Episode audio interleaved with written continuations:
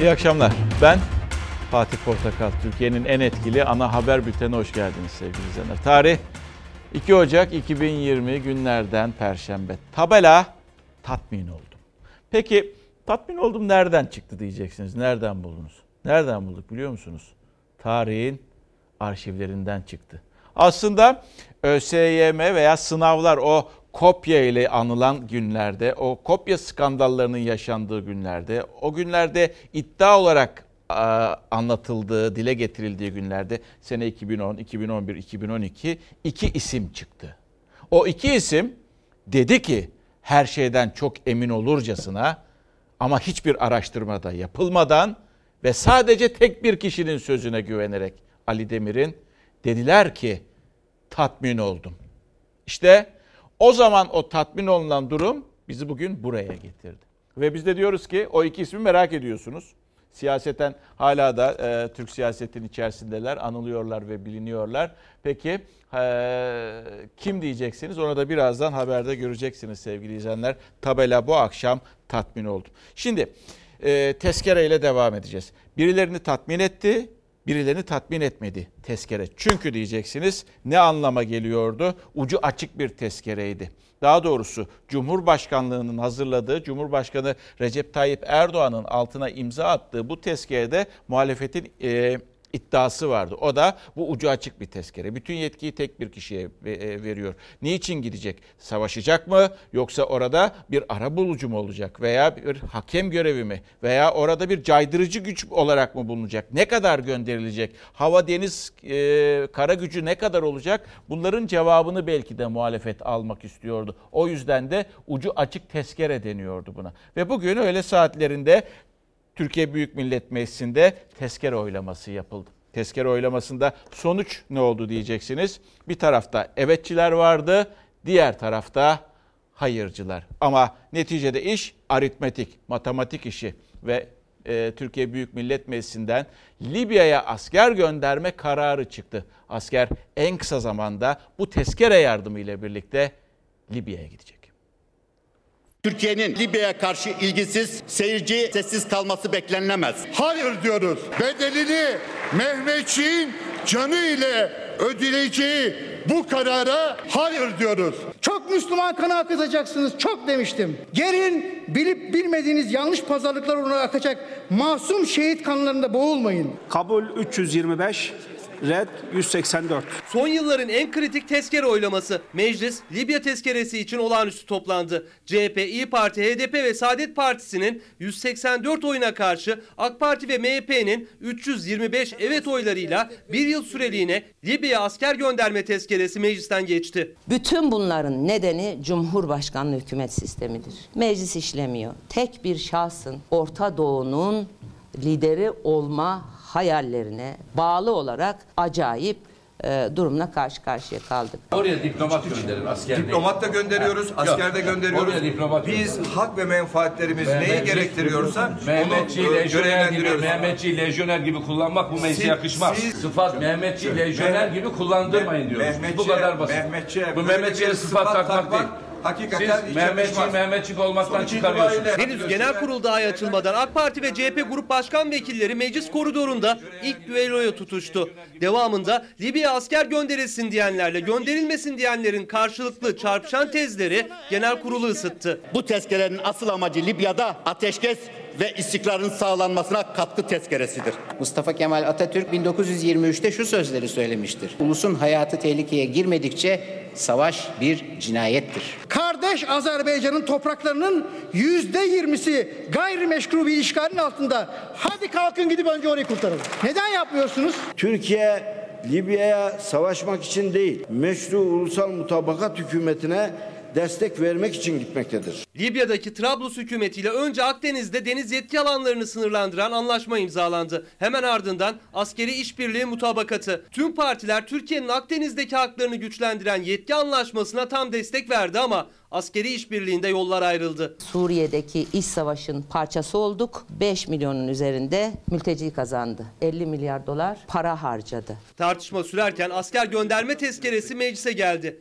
Tüm bunlar bir aylık süre içinde oldu. Bu acele niye? Saraydan bir sipariş var. Bu tezkerenin adının geçmesi bile bölgede farklı bir hava estirmeye yetmiştir. Sayın Bakan'ın verdiği cevap evet ucu açık bir tezkeredir. Sayın Erdoğan'ın canı istediği gibi tavır ve davranış içine girebileceği yetkilerin kendisine verildiği bir tezkere olarak değerlendirdik. Muhalefet Libya tezkeresine ucu açık maddelerle Erdoğan'a sınırsız yetki veriyor diye karşı çıkarken AK Parti ve MHP gibi Saadet Partisi de tezkereye evet diyeceğini açıkladı. Ama genel kurulda Saadet Partisi adına söz alan Abdülkadir Karaduman tezkereye hayır dedi. Cihangir İslam da oylamaya katılmadı. Biz bu vebale ortak olmayı kesinlikle düşünmüyoruz. Kabul etmediğimizi Saadet Partisi adına ifade etmek istiyorum. İç savaşın sona erdirilmesi ve ülkede akan kanın durdurulması amacıyla Birleşmiş Milletler barış gücünün vakit geçirmeksizin bölgeye gönderilmesi sağlanmalıdır. Kılıçdaroğlu da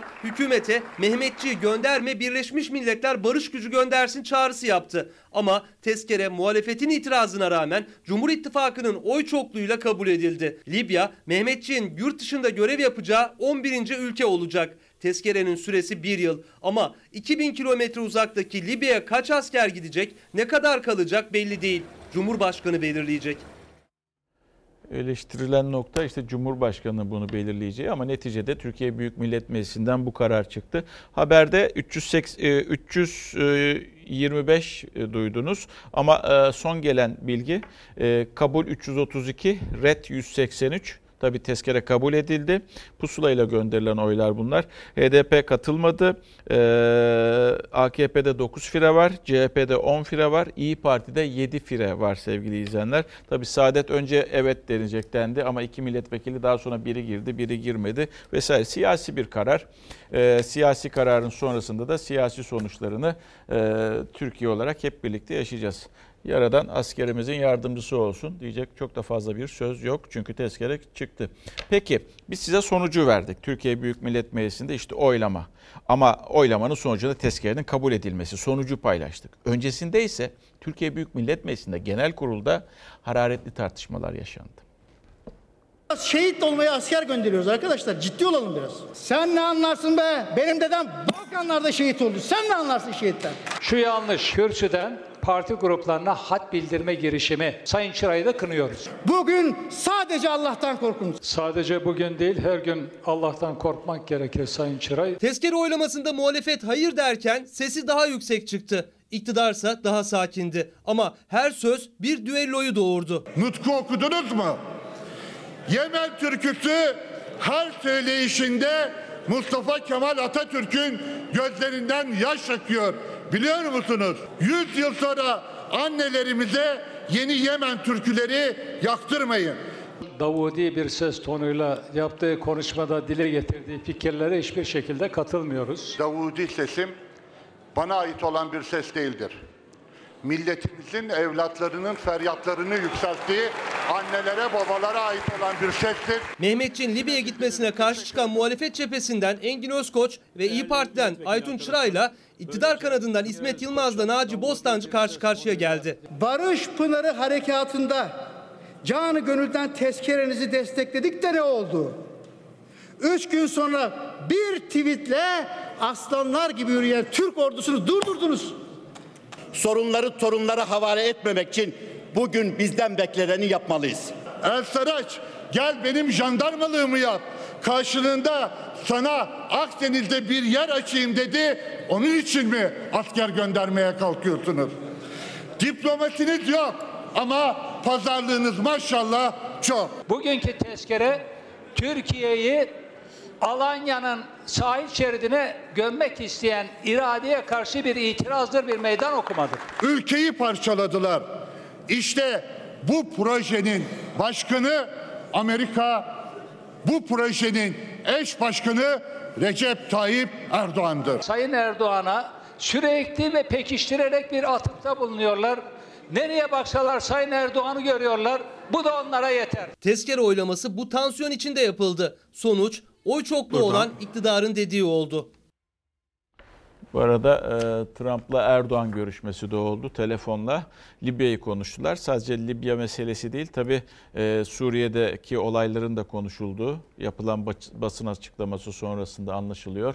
E, ve Bağdat'taki ABD elçiliğine yapılan saldırının da konuşulduğu, Türkiye'nin bundan da üzüntü duyduğu belli oldu. Esas tabii Libya konusunda nelerin konuşulduğu çok önemli ama bunu e, içeriğini bilmek çok da mümkün değil. Şimdi şöyle bir sosyal medyaya baktığınızda bu tezkereden tatmin olanlar da var, olmayanlar da var. Mesela e, gelen bir mesajda diyor ki Türk askeri orada iki taraf arasında olacak diyor. Kimilerinin inancı bu yönde oraya barış götürdüğünü düşünenler de var. Gelen bir başka mesaj az önce okudum onu paylaşayım dedim. Bir başka mesajda mesela demiş ki Libya ile deniz sınır anlaşması yaptık. Herkes alkışladı. Sonra ortaya çıktı ki asker gönderme sözü vermişiz. Ee, e, ve Türkiye'nin o aşamadaki süreci de biliyorsunuz. Tunus'a gitti. Tunus'tan da bir destek istedi. Ancak Tunus Tunus bu iki iç sava bu iç savaşın içine girmek istemedi. Libya'ya da komşu bu arada. Onu da hatırlatmakta fayda var. Ee, işte böyle bir e, ortam içerisinde önümüzdeki günlerde biz epey bir e, Libya'yı e, konuşmaya başladık ve e, başlayacağız da onu da söyleyelim. Geldik şimdi e, Türkiye'de neler yaşanıyor? Türkiye'de en fazla e, konuşulan konu şu an için bakacak olursanız her siyasetçinin gündeminde var. Kanal İstanbul projesi. Kanal İstanbul projesinde tabii enteresan bilgiler çıkıyor chat raporunda. Şimdi e, biz Kanal İstanbul'u konuşuyoruz ama o yukarıda Marmara'dan Karadeniz'e doğru giden yol hattı işte o kırmızı hat Kanal İstanbul'a. Şimdi chat'te e, Çanakkale'den de bahsedilmiş. Çanakkale'de Zincirbozan Gelibolu hattından işte Saras Körfezi'nden hemen Marmara'nın başına e, şöyle ufak bir kırmızı nokta görüyorsunuz. Oradan da bir kanal e, düşünülmüyor veya e, yapılabilir denmiş. Yani bir anda gördük ki biz Kanal Çanakkale projesiyle karşı karşıya geldik. Tabii bu olur mu olmaz mı bilmiyoruz. Ne var ki Kanal İstanbul'u konuşurken şimdi bir de Kanal Çanakkale çıktı. Burası yapıldığında çok daha bir siyasi boyutu olacak ki bunu şimdi kullanmıyorum. Vakti saati geldiğinde onu da kullanırız. Zaten Montre Antlaşması boğazlarla ilgili bir antlaşma. Şunu diyorlarsa biz çölde bir arazi bulduk. Dünyada da 50 tane kanal var. 51.yi yapacağız. Buyursun yapsınlar ama burası çöl değil. Dünyanın göz bebeği. Kanal İstanbul'un Montreux Sözleşmesi ile herhangi bir ilgisi de yoktur. Kanal İstanbul'un Montreux Anlaşması'nı tartışma açıp açmayacağı konuşulurken ÇED raporunda bir ayrıntı dikkat çekti. Küçük harflerle yazılan o bölümde Çanakkale'de Zincirbozan Gelibolu mevkiinden Saros Körfezi'ne bir kanal daha açılması öneriliyordu. Yani Ege'den Karadeniz'e geçecek bir askeri gemiye İstanbul Boğazı dışında Çanakkale Boğazı'nı da kullanmama olanağının önünü açabilecek bir öneri. Gözler bir kez daha Montreux'e çevrildi. Montreux diye ortaya atılan kavram orası için de geçerli. O zaman ne olacak? Nasıl olacak? Bakın bütün gerekçeleriyle sıkıntılı bir iş. Kanal İstanbul tartışmasının bir tarafı Ekrem İmamoğlu. Tarımla geçinen Büyükçekmece Celaliye'de köy kahvesindeydi. İmamoğlu köylülere seslendi. 135 milyon metrekare tarım alanı gidiyor. Planlama alanı büyüklüğümüz 26.500 hektar. Yerleşim alanı büyüklüğümüzde 10.000 hektar. Milyonlarca metrekare arsa satın alınmıştır. Bu arsayı satın alan insanlar buradaki değişikliği öğrendiği için alınmıştır. 3-4 yıl önceden Türkiye'de bile yokken Arap ülkelerinde filmler dönmüş, izlenilmiş, izletilmiş. Ama şu müjdeyi vereyim. İnşallah bu yanlıştan dönülecek ve inşallah bu tarım e, arazisi olan yerlerde o satın alan arkadaşlar şehir tarımına katkı sunarlar. Referanduma gidilir mi? İktidarın tavrı net. Gerekçe 2011'deki genel seçimin sonucu. İmamoğlu da 2019 seçimlerini hatırlattı. 2011 yılında Sayın Cumhurbaşkanımız biliyorsunuz Kanal İstanbul projesini halkımızla paylaştılar. Halkımızın büyük bir teveccühüyle de Cumhurbaşkanı seçildiler. Cumhurbaşkanı seçildi doğru. Sayın Cumhurbaşkanı bizim de Cumhurbaşkanımız. Ama bir de 2019'da İstanbul tarihinin en büyük oyuyla İstanbul Büyükşehir Belediye Başkanı seçildi ve ben onların sesini temsil ediyorum. Bu sesi dinlemek zorundasınız. Sormak lazım. Onlar hangi projelerini milletimizle beraber almışlar? Sayın Bakan bu konu İstanbul'un geleceği. Ne ona senin tek başına bu şekilde konuşman doğru ne de benim tek başıma karar veriyorum demem doğru ne de bir başkasının. ÇED raporuna itiraz içinde son gündü. CHP İl Başkanı Canan Kaftancıoğlu da sosyal medya üzerinden çağrı yaptı. Günlerdir uzun kuyruklar nedeniyle dilekçesini veremeyenler bir kez daha Çevre ve Şehircilik İstanbul İl Müdürlüğü'ndeydi. Daha önce kalabalıktı. Biz de bugüne uygun bulduk. Rantın sonu yok. Kimsenin Türkiye'yi düşündüğü yok. Sadece o yaptıkları satışlardan dolayı bunu yapıyorlar. Bu doğa, bu çevre bize miras değil. Biz çocuklarımızdan onları ödünç aldık. Dolayısıyla onu gözümüz gibi korumamız gerekir. Çocuklarımızdan ödünç aldık ama e, çocuklarımıza bırakacağımız neler kalabilecek? Yani kalacak bir şeyler ama onlara daha böyle e, çevresi temiz, havası temiz, suyu temiz, yiyeceği içeceği temiz olabilecek e, günümüz dünyasında yerler bırakmak gerekiyor. Bakın e, çıl, çılgın proje diyorlar ya buna. E, yüksek çevre mühendislerinin bir raporu var. Cumhuriyet Gazetesi'nde vardı. Oradan sizinle paylaşmak istedim. Sosyal medyada da var bu internette. Çılgın sonuçlar var ve e, üzebilecek sonuçlar var. Günde 11 bin kilo yani 11 ton patlayıcı kullanılacak eğer yapmak isterlerse orayı. Ben hala daha yapacaklarını tahmin etmiyorum. Onu da dipnot düşeyim. Ama kararlı da görünüyor.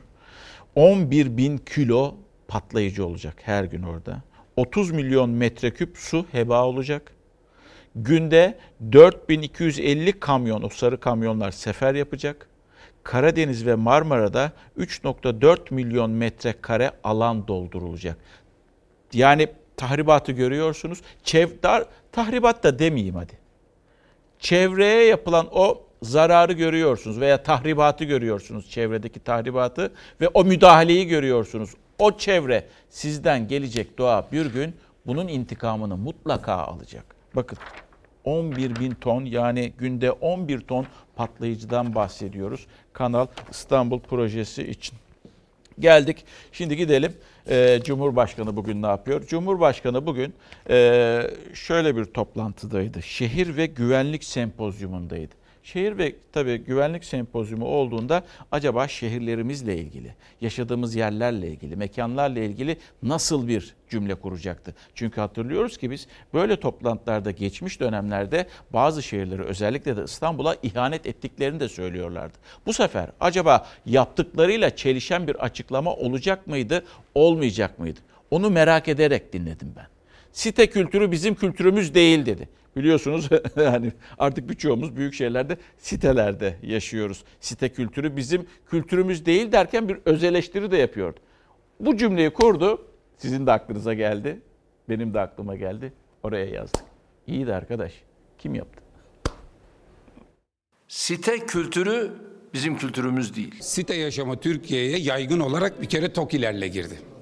O çok övündüğü TOKİ'lerle girdi. Siyasetin yeni tartışması siteler. Cumhurbaşkanı Şehir ve Güvenlik Sempozyumunda özellikle büyük şehirlerdeki site tipi yapılaşmayı eleştirdi. Hem Mimarlar Odası hem de CHP sorumlusu sizsiniz dedi. Ama ne yazık ki şu anda bir site kültürü anlayışı ülkemizde egemen olmaya başladı. Bir bahçenin içine 6 tane yüksek katlı evi dikip insanları mahalle yaşamından koparıp bu yaşama mecbur kılan da AK Parti belediyeciliğidir. Cumhurbaşkanlığına bağlı gerek Çevre ve Şehircilik Bakanlığı gerek TOKİ ve birçok belediye Cumhurbaşkanına rağmen mi plan yapıyorlar? Erdoğan'ın mahalle kültürünün yok olmasına gerekçe olarak gösterdiği siteler CHP'ye göre AK Parti iktidarı döneminde arttı. Eleştiri oklarının hedefinde TOKİ vardı. En küçük arsaya en çok katı veren AK Parti belediyeciliğidir. Parsel bazında düzenleme yapan AK Parti belediyeciliğidir. Şimdi çıkıp kendi yaptığını itiraf etmeden söylemek de Recep Tayyip Erdoğan'a has bir aklanma yöntemidir. Dikey mimariyle şehirlerimize ihanet etmiş oluruz. Yatay mimariyle bir defa hem kendi medeniyetimizi inşa etmiş oluruz. Erdoğan'ın gündeminde bir kez daha dikey yapılaşma da vardı. Aynı eleştiriyi iki sene öncesinden başlayarak defalarca dile getirmişti ama Mimarlar Odası da o iki seneye dikkat çekti. O açıklamadan sonra yapılan Çevre ve Şehircilik Bakanlığı'nın plan tadilatlarına lütfen göz atın. Tamamı yüksek yoğunlukludur, çok katlıdır. İstanbul'u aldığında dört dört gelenle alan Tayyip Erdoğan daha İstanbul'un belediye başkanlığını AK Parti yeni bıraktı. 251 gökdelenle teslim etmiş durumdalar. Cumhurbaşkanının sempozyumda dikkat çeken bir çıkışı da oldu. Başta Avrupa olmak üzere gerçekleştirilen sokak eylemlerine atıfta bulunarak güvenlik için yeni önlemler alınmasını önerdi. Artık şehirlerimizin dış güvenliğini surlar ve hendeklerle koruyamayacağımız, içerideki düzeni de sadece kolluk gücüyle sağlayamayacağımız bir yere gelmiş durumdayız. Yakın tarihimizde dünyanın pek çok yeriyle birlikte ülkemizde de şehirlere ciddi zararlar veren kaos dalgaları yaşanmıştır. Şimdi tabii burada e, artık şaşırmıyorsunuz Sayın Erdoğan'ın sözlerinden. Yani kendiyle çelişmesinden ben şaşırmıyorum. Ha, e, ne var bunda da diyebilirsiniz. Ya doğru söylüyor da diyebilirsiniz ama yani bizi bu duruma getiren bu politikalar olduğu için şaşırmıyorum. Son cümle önemliydi. Bunun yansıması veya burada ne demek istedi tam olarak anlaşılamadı. E, Sayın Cumhurbaşkanı belki veya yakın çevresi veya iktidar, muhalefet partileri bunu e, deşmeli ve araştırmalı. Yani ne olduğunu ve aklındakinin ne olduğunu iktidarın açıklamalı. Artık şehirlerimizin güvenliğini sadece kolluk güçleriyle sağlayacak değiliz. Bir asayiş sorunu var büyük şehirlerde ama yeni bir kolluk gücü mü, yeni bir e, emniyet gücü mü oluşturulmaya çalışılıyor veya kafada böyle bir şey mi var? net olarak açıklanmadı. Belki yarın veya önümüzdeki günlerde bu e, daha bir netlik kazanacak. Cumhurbaşkanının kafasında bir şeyler var. E, yeni fikirlere ihtiyaç var dedi. Belki önümüzdeki günlerde bu fikirlerle karşımıza gelebilir diye düşünüyorum. E, termik santraller diyeceğiz. Termik santraller tabi biliyorsunuz Türkiye'nin gündemini e, yıl bitmeden işte Eylül ay, Ekim ayında, Kasım ayında epey bir tartıştık. E, aralığın başı da dahil olmak üzere. Ve sonrasında işte yapılan bir hata olduğu, daha sonra Cumhurbaşkanı zaten veto etti, o madde de çıkarıldı ve termik santrallerin baca yapılmasına karar verildi. Bakın, şöyle e, özür dilerim, filtre, bacalara filtre yapılmasına karar verildi. Ama şu çok önemli gelinen sonucu yaşıyoruz şu anda biz. Hatalı olan şirketler. Çünkü geçmişe bunlar geçmişte bunlara böyle bir hak verildi. Bacalarınıza filtre yapılın dendi. Onlar hatalarında devam ettiler. Ama buna göz yuman da devlet. Yani o hataların giderilmemesine, e, yanlışların giderilmemesine neden olan da buna göz yuman devlet. Peki şu anda geldiğimiz noktada mağdur edilen kim? Bazı bölgelerde yaşayan halk. Termik santralin tamamen, Soma termik santrali ise kısmi olarak kapatılmıştır. Kışın ortasında kapanması acaba bilerek mi kapatıldı? Halkın bu mağduriyeti için mi? Soma'da verilecek her karar halkın zararına. Bir tarafta zehir, bir tarafta soğuk AKP'nin eseridir. 13 termik santral arasında bacasından zehir saçan 5'i yasa gereği kapandı. İçlerinden biri ise yasa dışı bırakıldı. Soma Termik Santrali. Bacasında filtre olmamasına rağmen 6 tesisten 4'ünün çalışmaya devam edecek olması yeni bir tartışma başlattı. Yasaya rağmen Soma Termik Santrali nasıl mühürlenmedi? Yasanın delinmesi diye bir durum söz konusu değil. Oradaki termik santralin hangi sebeplerle ne şekilde faaliyetine devam ettiği yine hukukun anayasanın emridir. Soma'mızda mevcut termik santralden 12 bin konut, okullarımız, kamu kurum ve kuruluşlarımız ısınma ihtiyaçlarını karşılıyorlar. Hükümet 12 bin haneyi ısıtan Soma termik santralini kısmen çalıştırmaya mecburuz dedi.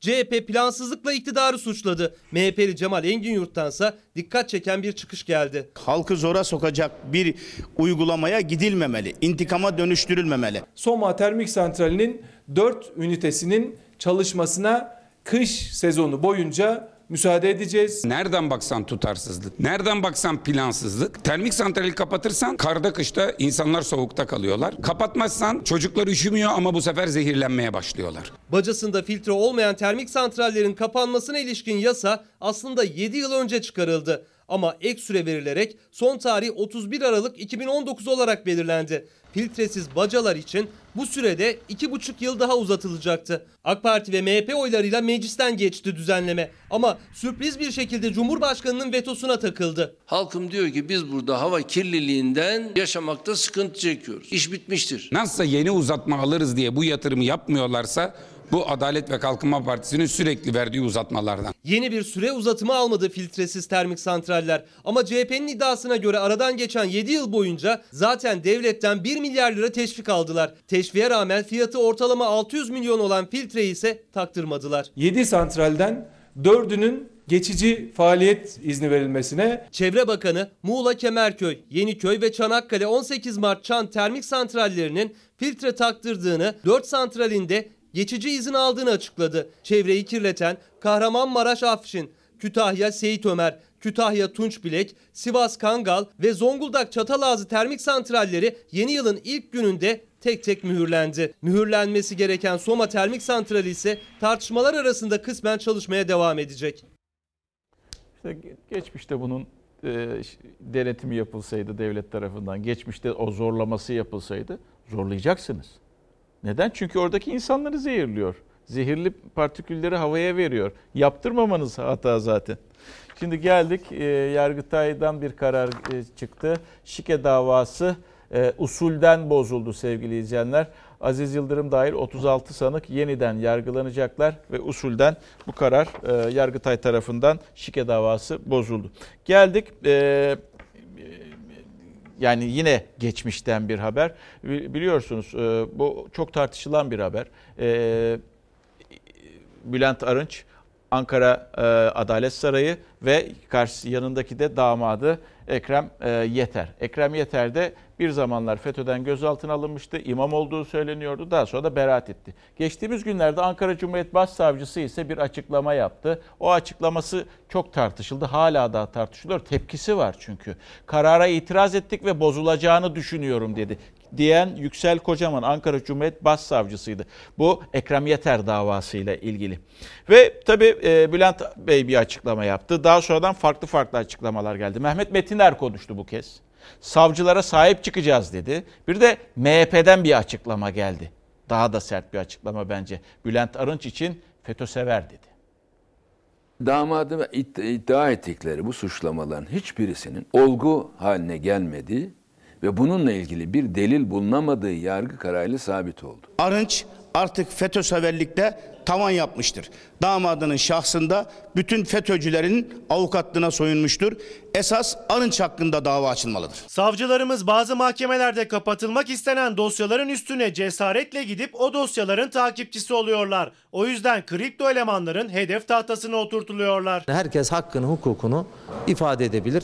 Ancak mahkemelerimiz hukuk çerçevesinde adımlarını atıyorlar. Bülent Arınç'a kripto eleman iması, FETÖ sever suçlaması, biri AK Parti'nin eski vekilinden, diğeri Cumhur İttifakı ortağından yükseldi. Ama AK Parti FETÖ suçlamasıyla yargılanması devam eden damadı Ekrem Yeter yüzünden Ankara Cumhuriyet Başsavcısıyla karşı karşıya gelen Arınç'tan yana tavır aldı. Sayın Başsavcı doğrudan bir adli konu üzerinde isim ve olay zikrederek sübjektif görüş beyan edemezsiniz. Sizin bu konuşmanız İsası rey mahiyetindedir. Yargılamayı etkilemeye teşebbüstür. Türk yargı etiği bildirgesinin ilkelerine aykırıdır. Arınç başsavcıyı resmen tehdit ediyor. Kimden bu cesareti alıyor? Nereden alıyor bilemem ama Arınç haddini aşmıştır. Savcıların da sübjektif değerlendirmelerden kaçınması gerektiğini mutlaka bilmeleri gerekir. Ankara Cumhuriyet Başsavcısı Yüksel Kocaman FETÖ suçlamasıyla yargılanması istinafta devam eden Arınç'ın damadı Ekrem Yeter için dosyası dolu beraatin bozulacağını düşünüyoruz demişti. Arınç da bu sözleri sonrası başsavcıyı taraf olmakla suçladı. FETÖ ile mücadele eden savcılara destek, Arınç'a ise FETÖ imasıyla karşı suçlama AK Parti eski milletvekili Mehmet Metiner'den geldi. Sempati dünyanın hiçbir yerinde hukuken suç değildir. Kripto elemanların mağduriyet edebiyatı ve KHK faciası üzerinden merhamet sömürüsü yaptıkları bir dönemde o cesur başsavcılarımız yeniden örgütlenip öcü almaya kalkışan FETÖ'cülerin inlerine giriyorlar. Başsavcı şimdilik sessiz ama Mehmet Metiner ve Cemal Engin öfkesi dinecek gibi değil. Arınç haddini aştı. Artık susturulması gerekiyor. Bu ülkenin adaletini evindeki hizmetçi zannetme anlayışını terk etsin. Tırıs gelir tırıs gider. Bunlar saçma sapan şeyler. Ne FETÖ'cülük bize yapışır ne şu. Karşılıklı açıklamalar, suçlamalar. Siyasetin FETÖ tartışması ısındıkça ısınıyor. Ha, bir daha açıklama yapar mı e, Bülent Arınç bilmiyoruz ama gelinen nokta şu anda bu. Ve bu konu konuşulmak istenmiyor. Bu konu hakkında birileri iktidar partisinden konuşmak da istemiyor. Sanki unutmamızı isteniyor, isteniyor gibi. Yani hatırlatmayalım bu olayı. Çünkü Ali Demir'i biliyorsunuz eski ÖSYM Başkanı ve onun iddianamesi hazırlandı. O iddianamede de işte e, biliyorsunuz e, savcının iddiaları vardı. Neydi? İşte kopya verildiği sınavlarda ÖSS'de özür dilerim. ÖSS'de, LYS'de, KPSS'de soruların çalındığı net bir şekilde dayana e, veya savcının e, savcının savcının e, hazırladığı iddianamede e, bunlar kendi gözlemleri ve araştırmaları sonrasında iddianamesinde yer alıyordu. Masumiyet karinesi var ama önemli olan savcının da bir iddianamesinin olması gerekiyor. Şimdi tabii ister istemez iktidara dönüyor. Bizi yönetenlere dönüyoruz. Arşivlere bakmak istiyoruz ve onların ne diyeceğine bakıyorsunuz. Yani dönemin işte Erdoğan'ına, dönemin Abdullah Gül'üne, dönemin işte önemli isimlerine hiçbiri konuşmuyor. İstifa etmeyi bir şey söz konusu değil. AK Parti'nin seçmenin çocukları da son 5 yılda sınava girdiyse bilsinler ki önlerine başka FETÖ'cüler geçirilmiş ve hakları yenmiş. Kısa çöpün uzun çöpten hakkını alması lazım ama bunun Recep Tayyip Erdoğan döneminde olmayacağı belli. 2012 KPSS'ye de giren ama devlet memuru olamayan birçok genç mağduriyetimiz nasıl giderilecek diyor. Bunlar atanacak durumdaydı belki de ama bu hırsızlar sebebiyle atanamadı. FETÖ organizasyonuyla kaç kişi sınav mağduru oldu, hak ettiği işe kavuşmadı sorusunun net yanıtı yok ama eski ÖSYM Başkanı Ali Demir'e FETÖ suçlamasıyla 18 yıl hapis istenmesi, eski bir ÖSYM çalışanının soruların nasıl kopyalandığını, FETÖ imamına teslim edildiğini itiraf etmesiyle muhalefet iktidara karşı ayakta. Ali Demir savunmada. Terör örgütü bağlantısı olduğu iddia edilen ÖSYM çalışanlarının bir kısmı bizden önce bir kısmı ise bizim zamanımızda işe girmiştir. Benim verilmeyecek hiçbir hesabım yok. Bu gençler çalınan geleceklerinin hesabını kimden soracaklar? Bütün bu hırsızlıkları biz ifşa ettiğimiz halde tertemiz bir sınavdır diyen iktidarın yetkililerin hiçbir suçu yok. AKP iktidarının yeteri kadar bu işte günahı var. Hiç olmasa bundan sonra adam gibi dursunlar. Yumurta geliyor Ali kaç kaç kaç. Taksim'de 2000 genci yürütmek problem değil. Biz de kalkarız onların karşısına 5000 10 bin tane genci koyarız.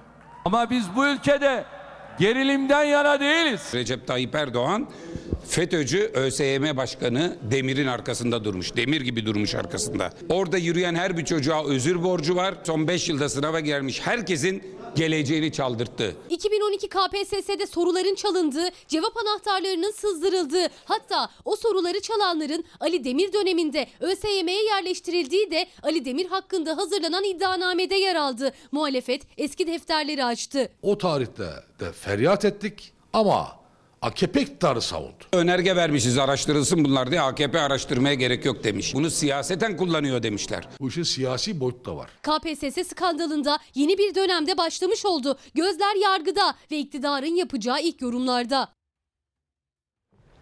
Ya işte geçmişte bunlar yaşandı. Tatmin oldum.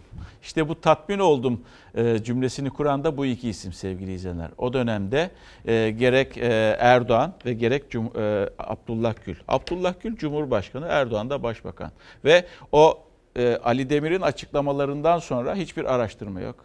İşte önergeler veriliyor, hiçbir şey yok. Beyefendi anlatıyor Sayın Koncuk, e, hiçbir şekilde araştırılmamış, edilmemiş. Ama tek bir kişinin sözüne güvenip, itibar, e, itimat edip tatmin oldum diyorlar Ali Demir'in açıklamalarında. Siyaseten siz o gün bu iki isim, iki kudretli isim öyle tiplerin arkasında duyurmasaydınız, araştırsaydınız muhalefetin veya o e, feryat eden kesimlerin e, çığlığına kulak verseydiniz bugün bu duruma belki gelinmeyecekti. Şimdi ne düşünüyorsunuz? Ağzınızı bıçak açmıyor. Yollar da ayrıldı şimdi zaten. Ne e, Sayın Gül konuşuyor ne e, Sayın Erdoğan konuşuyor. Bu cümlenin üstünde bir şey zaten söylenebilir mi? Tatmin oldum diye, diye bitirmişsiniz. Az önce haberde vardı. AKP'li vekil söylüyordu. Her gün Allah'tan korkun diye. Gerçekten her gün Allah'tan korkmak gerekiyor. Yaradan'dan korkmak gerekiyor. Ve şimdi ne düşünüyorlar çok merak ediyorum. Sayın Gül ve Sayın Erdoğan ağızlarını bıçak açmıyor zaten. Açamaz. Açıklarına ne diyecekler? Diyecek cümleleri mi var? Yok ki. tezkere haberini verirken e, HDP'li vekillerin katılmadığını söylemiştik. Onlar da aramışlar, e, bildirmişler. E, 27 vekil e, Meclis Genel Kurulu'na katılmış ve hayır oyu vermişler. Düzeltmemizi istediler. Bu şekilde ben de düzelteyim, paylaşayım sizlerle. Bakın bir vatandaş ne diyor? Fatih Bey şu ekonomik krizden hiç bahseden yok. Esnaf zor durumda. Biz ne yapacağız diyor. Bir başkası da cam ve e, o şehir güvenlikleriyle ilgili kafasında sanki bir fikir var gibi Sayın Cumhurbaşkanı'nın şehir güvenliği şimdi mi akıllara geldi diye bir soru soruyor. Soran da Özlem Hanım. Gençlerden bahsettik ya işte Cumhurbaşkanı da e, bahsetti önceki haberde. Şimdi gençlere gideceğiz. Üniversitelerde, devlet üniversitesinde okuyan gençlerin durumu. İstanbul Üniversitesi'nden bahsediyorum. 3 öğün, e, daha doğrusu 1 3 öğün yemek ikiye düşürüldü. Birine e, az ücret ödüyorsunuz, ikinciyi almak isterseniz 18 lira ödüyorsunuz. Özel üniversitelerde bile bu kadar değil bazılarında. Ve o gençler sabah kahvaltısını da kaldırdılar. İstanbul Üniversitesi'nde okuyan bir grup genç bu durumu protesto etmek istedi. Üniversite yönetimini protesto etmek istedi. Sen misin protesto eden?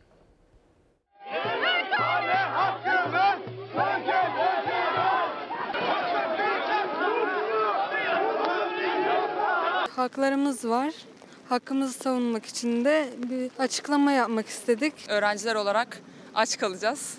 Ee, bunu bir şekilde rektörlüğe duyurmamız gerekiyor. Duyurmak istedikleri yemek hakkıydı ama polis müdahalesiyle son buldu. İstanbul Üniversitesi'nde öğrencilerin kahvaltı öğünü kaldırıldı. Bir öğün yemek fiyatı da 5 kat arttırıldı. Öğrenciler 3 gündür seslerini duyurmaya çalışıyor. Rektörlüğe dilekçe vermek istediler. Önce okula alınmadılar sonra polis müdahalesiyle karşılaştılar. Kimimizin parası yetiyor, kimimizin yetmiyor. Tek dileğim alınan kararın hemen vazgeçilmesi ki eğer öğrencilerin de bu ülkede beyin göçü yapmalarını istemiyorlarsa karnımıza ve midemize bakmak zorundalar. İstanbul Üniversitesi Türkiye'nin en köklü ve bütçesi en yüksek devlet üniversitesi. Ama öğrencilerin en önemli hakkı ucuz beslenme hakkı ellerinden alındı. Geçtiğimiz yıl 2 lira 75 kuruş olan indirimli yemek önce 3,5 liraya çıkarıldı ama asıl darbe 3 gün önce vuruldu. Kahvaltıları kaldırılan, indirimli öğünleri 2'den 1'e indirilen ve öğün ücreti 3,5 liradan 18,5 liraya çıkarılan öğrenciler İstanbul Üniversitesi önünde yine toplandılar. Yemek ücretlerine karşı eylem yapıyorlar. Bir başka öğrenci grubu ise içeride dilekçe veriyor. 18,5 liraya çıkmış olması ayda 600 liraya tekamül ediyor tahminen. Zaten bursumuz hani 500 lira. Hepsini yemeğe harcasak yine yetmiyor. Buralı değilim ama sonuç olarak farklı bir memleketten geliyorum ve burada geçinmek çok zor. Saatler geçtikçe toplanan dilekçe sayısı da arttı. Öğrenciler bir kez daha dilekçeleri rektörlüğe teslim etmek istedi ama içeri alınmadılar. Öğrenciler de kapının önünden ayrılmayınca polis müdahale etti.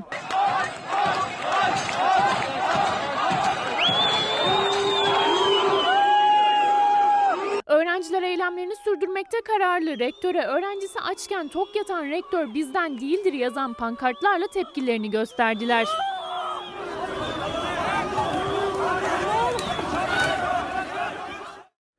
Özellikle devlet üniversitesinde okuyorsanız yani bizim gibi bir nesil oradan geldi. Önemlidir yani kafeteryada, yemekhanede o yemeği yemek. Çünkü ucuzdur oradaki yemek.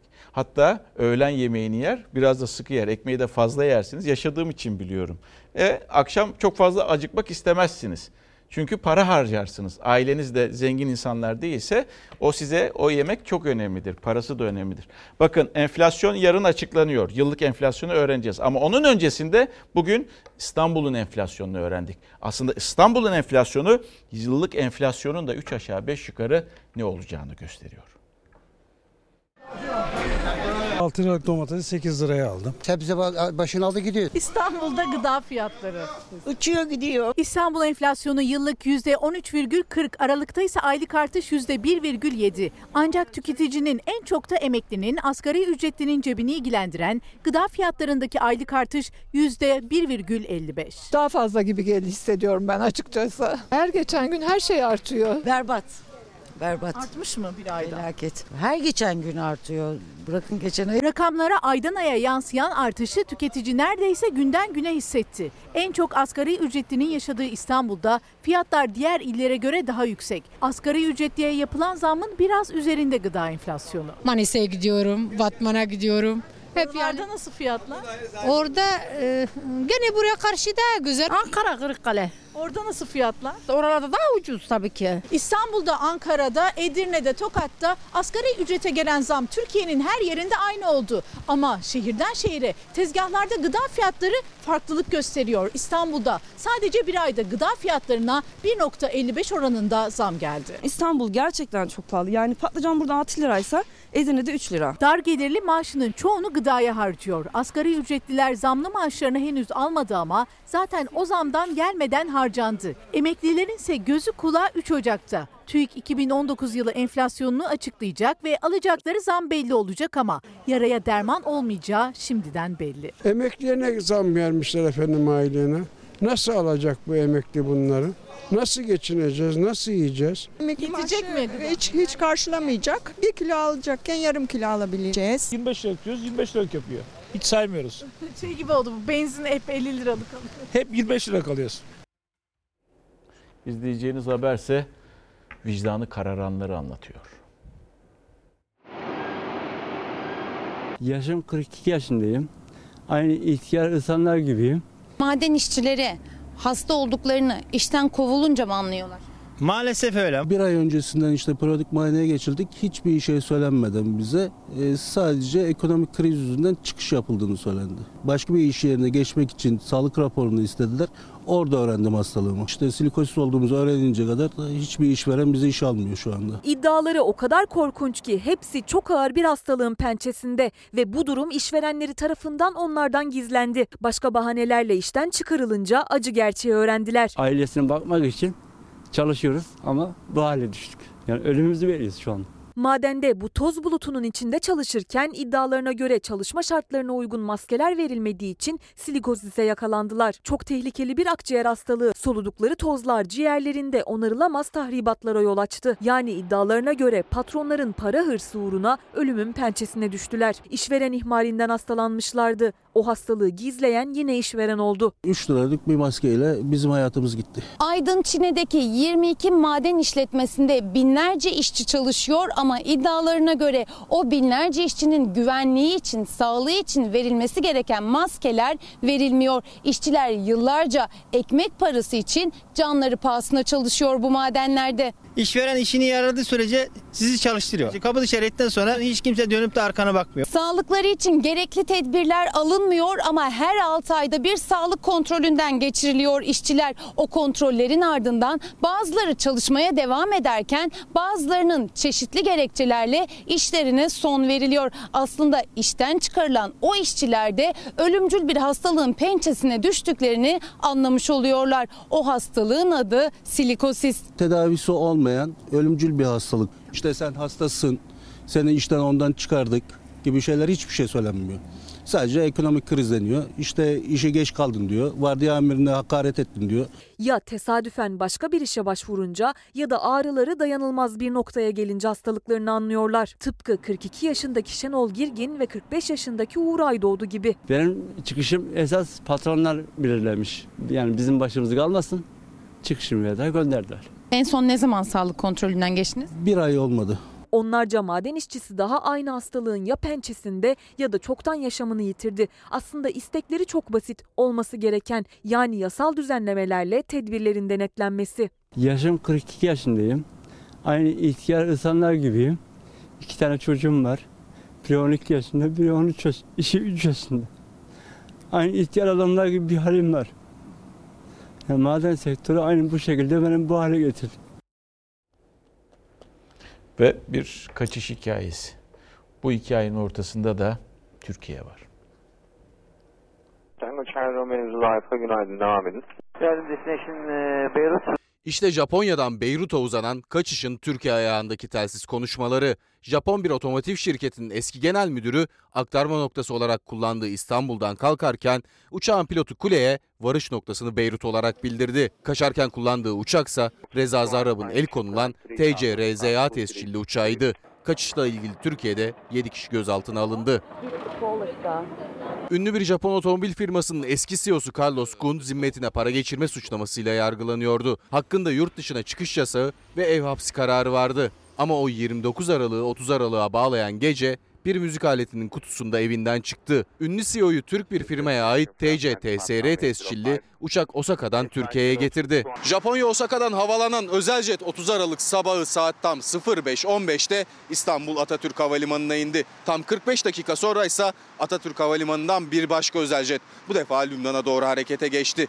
İşte Atatürk Havalimanı'nda ne yaşandıysa o 45 dakika içinde yaşandı. Atatürk Havalimanı'na inen uçak ne hangara girdi ne de terminale yanaştı. Apron'da duran uçaktan Gun indi ve Beyrut'a gitmek üzere başka bir uçağa bindi. Türk yetkililere ise uçaktaki yolcularla ilgili bilgi verilmedi. Sabah saat 6'da uçak Beyrut'a doğru yola çıktı. Günaydın devam edin. Bu kaçışa yardım ettikleri gerekçesiyle havayolu firmasının operasyon müdürüyle birlikte dördü pilot ikisi havalimanı çalışanı toplam 7 kişi gözaltına alındı. Havayolu firmasının müdürü iddiaya göre o uçakta firari CEO ile birlikteydi. Lübnan'a kaçan CEO hakkında Interpol kırmızı bülten yayınladı. CEO'nun Japonya'dan nasıl çıktığı ve Türkiye'de kimlerden yardım aldığı araştırılıyor. İleride bunun filmi bile yapılabilir. Enteresan bir kaçış hikayesi çünkü. Reklam. Kapatıyoruz sevgili izleyenler. Bizden hemen sonra Mucize Doktor dizisi var. İzleyebilirsiniz. Yarın daha mutlu, daha huzurlu, daha güvenli bir dünya ve tabii ki Türkiye'de buluşmak umuduyla. Hoşçakalın. Her köşesi